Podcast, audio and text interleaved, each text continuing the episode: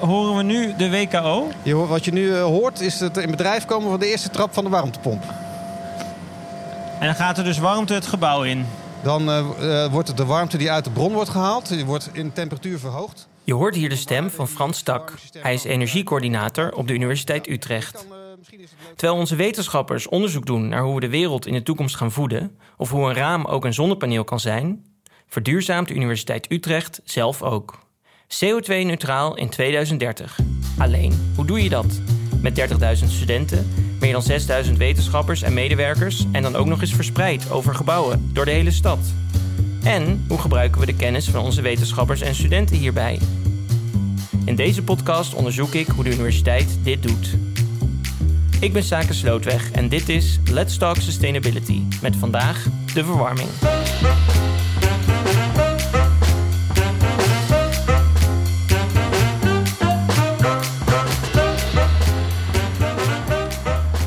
Hey Frans, eh, we staan Hey, hier voor het uh, Minnaertgebouw. Dat is de, volgens mij de beta-faculteit. Ja, Er lopen hier studenten in en uit. We worden bekeken. De, hier eh, om de hoek hebben studenten college. Er rijden bussen voorbij. Ehm, we gaan vandaag iets heel leuks doen. Je gaat mij, als het goed is, de WKO-installatie laten zien. Ja. Maar voordat we daar naartoe lopen... ehm, je bent eh, energiecoördinator van de universiteit. ja dat wat, klopt. doe- ja. wat doe je dan eigenlijk? Nou, ik zit eh, als energiecoördinator in een team. Bij de afdeling energie. En mijn taak is om het gebruik, ons energiegebruik in de gebouwen te verlagen. Daar, kan je, daar zit natuurlijk van alles aan vast. Eh, ook de hele monitoring, het meten van energiestromen in, eh, in, op onze campus. Doen wij, we doen de inkoop, we doen de facturatie. eh, en wij proberen een, via een programma systematisch het verbruik te verlagen. Door onze bestaande processen aan te passen. Dus hè, er zijn allerlei redenen om gebouwen te onderhouden en om inrichting van gebouwen aan te passen. Dat soort aangelegenheden kun je meteen gebruiken om eh, duurzame investeringen te doen. En daarnaast hebben we een eigen programma om te kijken of we überhaupt zeg maar, vanuit energetisch blik het verbruik in gebouwen kunnen verlagen. Dus eh, we, het is fijn als we het warm hebben. Ja. Het is fijn als we stroom hebben voor de lampen en de computers en alle labs. Ja, Maar liefst wel steeds minder. ja. Oké. ja. en Ehm, ook koude, vooral koude. Denk ook aan koude, want er wordt heel veel gekoeld in onze gebouwen. Ah, oké. En dan is dat mooi gelijk eh, Ja. een, een, een, een reden om eh, over WKO na te denken. Zullen we gaan kijken? Ja, leuk. Oké, laten we gaan.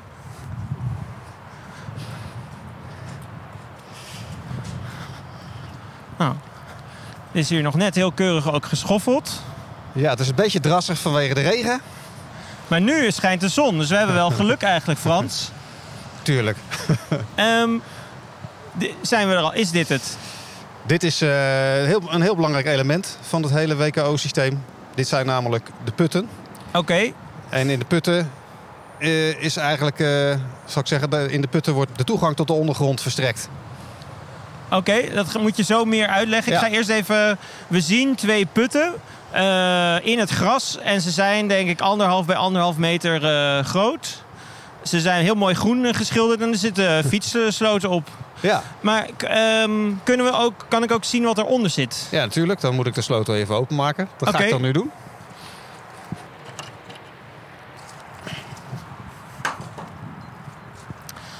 Ik zie eh, buizen en ik zie een soort groot vat. En ik zie een, eh, een meter. Het lijkt een beetje op... eh, nou ja, de Willy Wonka, de fabriek van Willy Wonka. Ja. Maar dit is dus WKO. Ja. Eh, misschien even beginnen bij het begin. Wat is, waar staat WKO eigenlijk voor? Eh, heel goed. WKO staat voor warmte- en koude opslag. Warmte en koude is dus thermal energy, oftewel thermische energie. En thermisch is Warmte. warmte. Ja. Oké, Voelbare warmte. oké. Ja. En dat betekent dat je hier, je ziet hier een buis eh, de ondergrond ingaan. En die, die vaten die jij ziet, dat zijn flensen. Daaronder zit een wat kleinere buis. Die gaat tot een meter of eh, 40, 50 diep. En eh, onderweg zitten er een aantal filters. En die filters geven toegang tot het zandpakket wat er omheen zit. En zo kan je dus water uit het zandpakket onttrekken of in het zandpakket infiltreren. Afhankelijk van de richting van pomp. En met dat water, waar gebruiken we dat water dan voor? Nou, dat water is dus de drager van die thermische energie. En het idee is, het hele grote idee achter WKO is dat je in de zomer energie uit je gebouw kunt halen. Dat noem je dan eigenlijk koeling. Maar feitelijk haal je energie uit het gebouw. Daarom wordt het in het gebouw kouder. En die warmte sla je op in de ondergrond. En die kun je dan zes maanden later, als het koud is buiten en dus ook in het gebouw, er weer uithalen om te gebruiken om datzelfde gebouw weer te verwarmen. En die warmte of die kou die zit eigenlijk opgeslagen in water. Ja, in, in water en, en de grond houdt die, die waterbel eh, vast. Dat is Oké. het idee. Dus eigenlijk staan we nu op twee hele grote waterbellen. Ja, ja. Nou, ik ben wel nieuwsgierig. Eh, ja, weet je hoe groot die zijn? ja Eh, Frans ga- moet het heel even opzoeken. Ja, dat weet ik. Dat heb ik namelijk uitgerekend. Oké, leuk. Ja, omdat ik. eh, ja, dat is natuurlijk sowieso wel leuk om te kunnen zeggen. Eh, als we kijken naar. Dit, dit is een, een vergunning die we hebben voor dit hele gebied hier. Ja. Voor alle gebouwen in dit eh, cluster.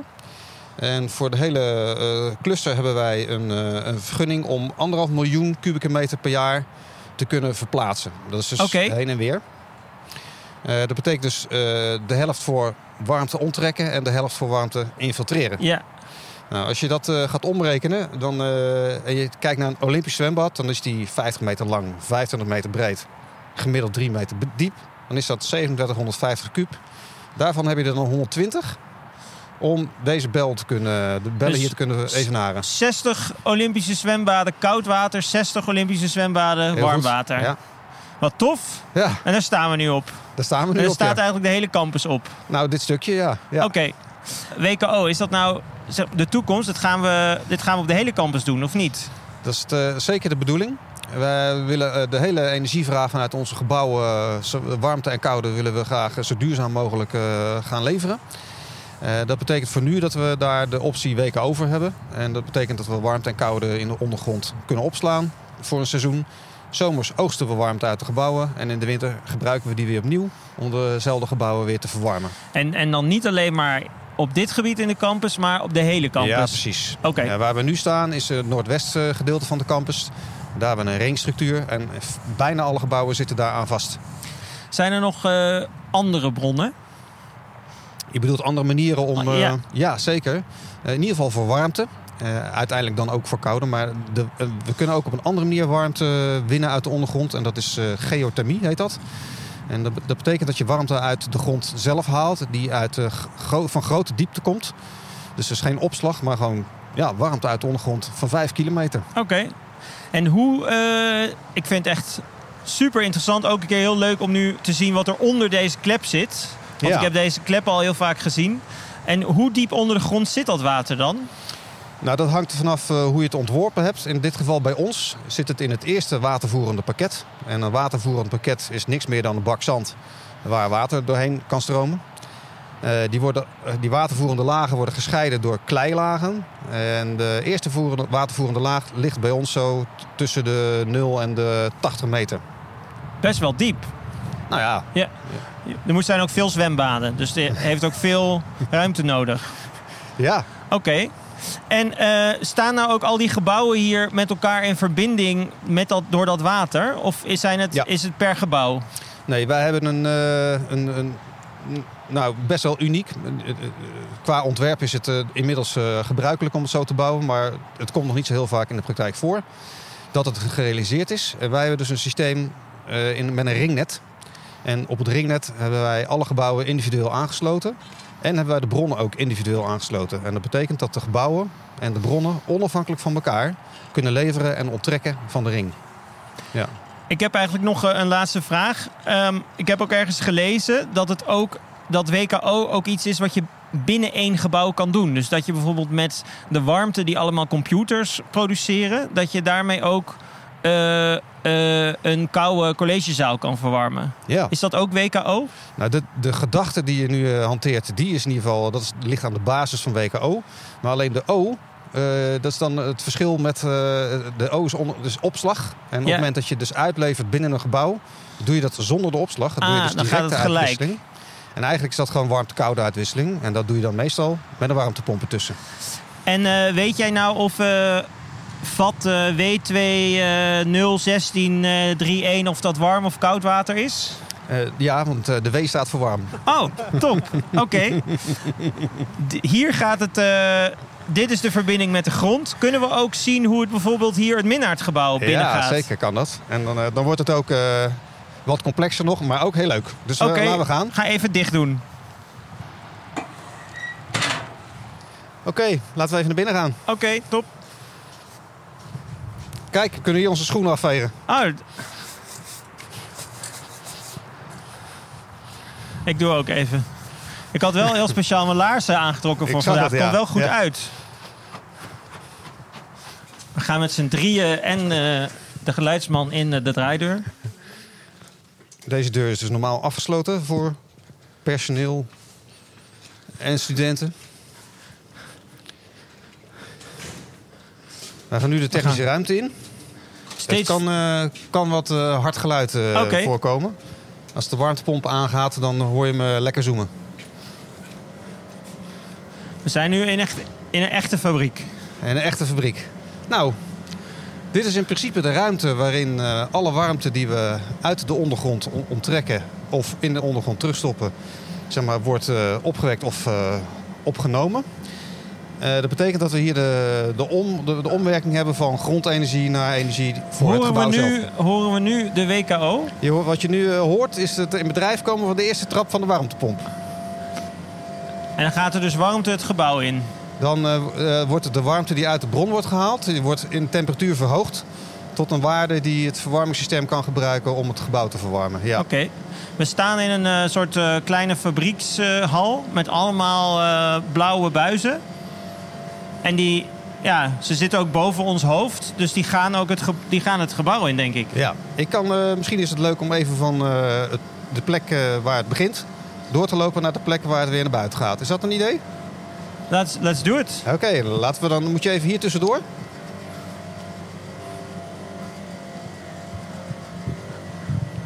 Ah, Nou, hier zie je twee hele dikke buizen eh, de grond uitkomen. ja. En dit zijn dus eh, de buizen die aangesloten zijn op de ringen. Eén op de koude ring en één op de warme ring. ja. Het staat er ook op. Gebouw invoer, koude net en warmtenet. Ik sta eigenlijk voor, twee, voor een hele grote kraan.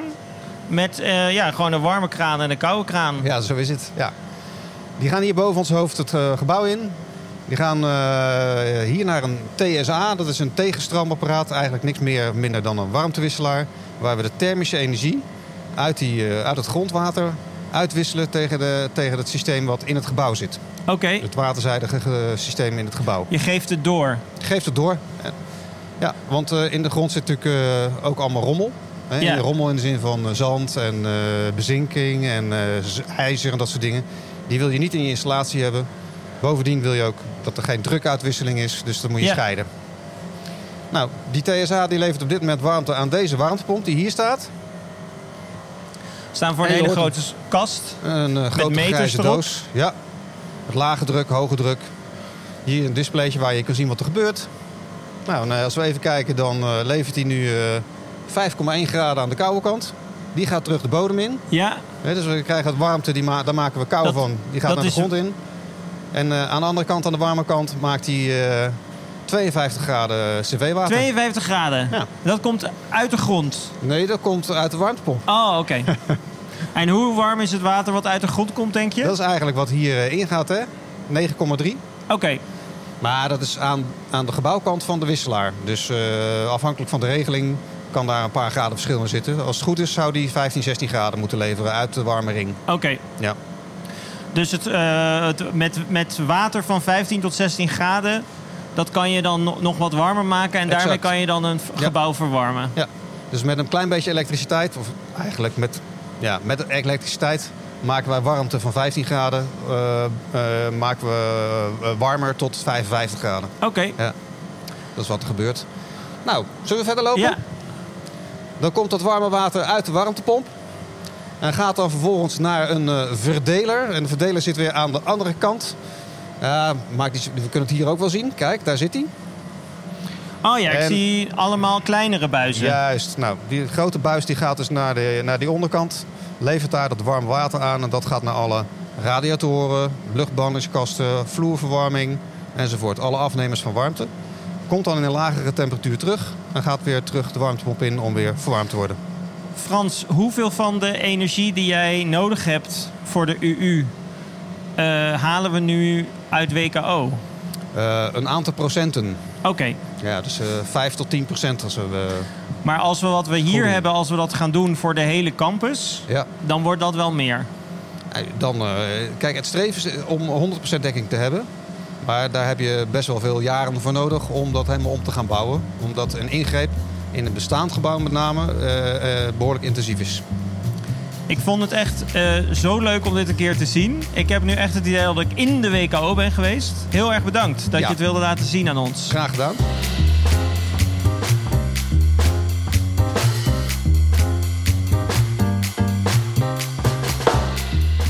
Naast warmte-koude opslag, waar ik het met Frans over had, zijn er nog andere duurzame vormen van verwarming. Eh, eentje daarvan is geothermie. Met Jan Diederik van Wees. Wat geothermie eigenlijk is, vraag ik aan Jan Diederik van Wees. Ja, geothermie is eh, warmte uit het eh, binnenste van de aarde. Jan Diederik is hoogleraar geothermische exploratie aan de Universiteit Utrecht en onderzoeker bij TNO. De aarde die wordt eh 30 graden warmer per kilometer dat je de aarde inboort. En als je daar water uit kunt halen, dan is dat al snel behoorlijk warm. En voldoende warm bijvoorbeeld op 2 kilometer diepte om huizen mee te verwarmen. En het enige wat je dan nodig hebt is twee putten. Eén put om het warme water eruit te halen en dan met een warmtewisselaar de warmte eruit te halen. En aan gebouwen door te verbinden. En vervolgens dat afgekoelde water uit de aarde weer terug te pompen naar dezelfde laag. Oké, is dit eigenlijk eh, iets heel nieuws? Gebruiken we dit al op heel veel plekken? Nou, we gebruiken het nog niet zoveel in Nederland, maar op eh, ongeveer 20 plekken. En dan worden we het eigenlijk alleen maar gebruikt om kassen mee te verwarmen. Maar je kunt het dus ook prima gebruiken voor gebouwen. Dat gebeurt nu, eh, beginnen ze daarmee in Den Haag. Maar het kan mogelijk ook in Utrecht eh, en de omgeving hier. En ehm, is het eigenlijk zo dat je gewoon overal kan gaan boren en dat dan dat water van heel diep uit de grond daaruit komt? Nee, dat, is, dat kan jammer genoeg niet. Want het eh, kan alleen maar als de lagen water eh, makkelijk doorlaten. Eh, en dat zijn dezelfde lagen die we ook goed kennen vanuit olie- en gas-exploratie en productie. En ehm, nou, we, we zijn dus nu op een, op een paar plekken in Nederland gebeurt het al, maar het komt dus ook naar Utrecht, toch? Ja, we zijn, we zijn dat aan het onderzoeken vanuit de universiteit. En ook samen met andere partners. En er zijn verschillende projecten die daar naar kijken. En één project kijkt naar lagen die ongeveer 2 tot 3 kilometer diep onder eh, eh, diep liggen, die geschikt zijn. Dat project heet Lean. En een ander project dat heet Goud. En dat kijkt naar hele diepe lagen op 4 tot eh 8 kilometer diepte. Dat heet iets met ultra, toch? Dat vind ik zo'n spannend woord. Ul- Ultra diepe geothermie is dat genoemd. Om het, ja. Klinkt wel veelbelovend. Heb je een idee wanneer we het echt kunnen gaan gebruiken in Utrecht? Nou, in Utrecht eh, moeten, we, zou, moeten we eerst uitzoeken of de ondergrond inderdaad geschikt is. En eh, ja, als dat er allemaal goed uitziet, dan zullen we waarschijnlijk een, eh, een boring gaan doen. Een boring is heel duur, dat kost miljoenen. Dus je wilt dan wel echt wel goed weten of het kan. Ehm, en dat, dat duurt wel een paar jaar om dat goed uit te zoeken. Een van de belangrijke dingen die je daarbij gebruikt zijn echo's van de ondergrond, om, waar je op je de lagen kan zien. Ja, En ook analyse van oude gegevens. dat is, dat is eigenlijk jouw, echt jouw specialiteit, hè? die echo's. Ja, precies. Het, analyseren van die echo's en ook het begrijpen van uit eh, putten die al geboord zijn in de omgeving. Om te kunnen voorspellen daar verder vanaf eh, hoe geschikt de lagen zijn. Nou, nu ehm, beginnen we dus in Utrecht in ieder geval met het ontdekken en te kijken of het eh, kan. Maar als jij nou eens gewoon een paar jaar vooruit kijkt, of misschien wel hoe je hoopt dat eh, de toekomst eruit gaat zien. Hoe denk je dat, Ja, de- hoe denk je dat geothermie zich in eh, Nederland gaat ontwikkelen? Ja, bijna iedereen is enthousiast over geothermie en over de groeimogelijkheden daarvan. Dat is ook niet zo gek, want het is een fantastische bron natuurlijk. Overal, we weten heel zeker dat de aarde overal warm genoeg is daarvoor. En zoals ik al zei, die lagen zijn niet overal geschikt. Maar de, de ambities zijn heel groot. Er is een masterplan opgesteld voor geothermie die eh, hoopt eh, in 2030 eh, wel 200 eh, installaties te bouwen. En dat zou dan genoeg zijn voor ongeveer een half miljoen huishoudens om die van warmte te voorzien met geothermie. Nou, dat is natuurlijk een fantastisch, eh, fantastische ambitie. maar daar is wel heel veel voor nodig. Er moet wel heel veel werk voor verzet worden. Oké, dus voor geothermie is nog wel wat werk aan de winkel. Ja, dus veel, veel speuren naar de goede lagen. Veel ervaring ook opdoen met die systemen. Niet alle systemen die nu in gebruik zijn, die, die werken even soepel. Er zijn bijvoorbeeld problemen met stalen pijpen die, die kapot gaan al na een paar jaar. En dat kost dan heel veel geld om dat te repareren. En allerlei andere technische um, hurdles, onder andere bijvoorbeeld ook aardbevingen die zijn opgetreden in, in Limburg. Jan Diederik, als de eerste testboringen in Utrecht gaan plaatsvinden, dan hoop ik heel erg dat ik een keer mag komen kijken. Uh, heel veel succes. Eh, het klinkt heel leuk. En heel erg bedankt dat je tijd voor ons wilde maken. Ja, dank je. Leuk dat je luistert naar Let's Talk Sustainability. De volgende keer stappen we in een elektrische auto en gaan we het hebben over de vraag waarom je soms de fiets pakt en soms niet. Deze podcast is bedacht door Sam Roefs, gepresenteerd door Zaken Slootweg en geproduceerd door David Achtermolen en Dag en Nacht Media. De podcast is mogelijk gemaakt door de directie Vastgoed en Campus van de Universiteit Utrecht.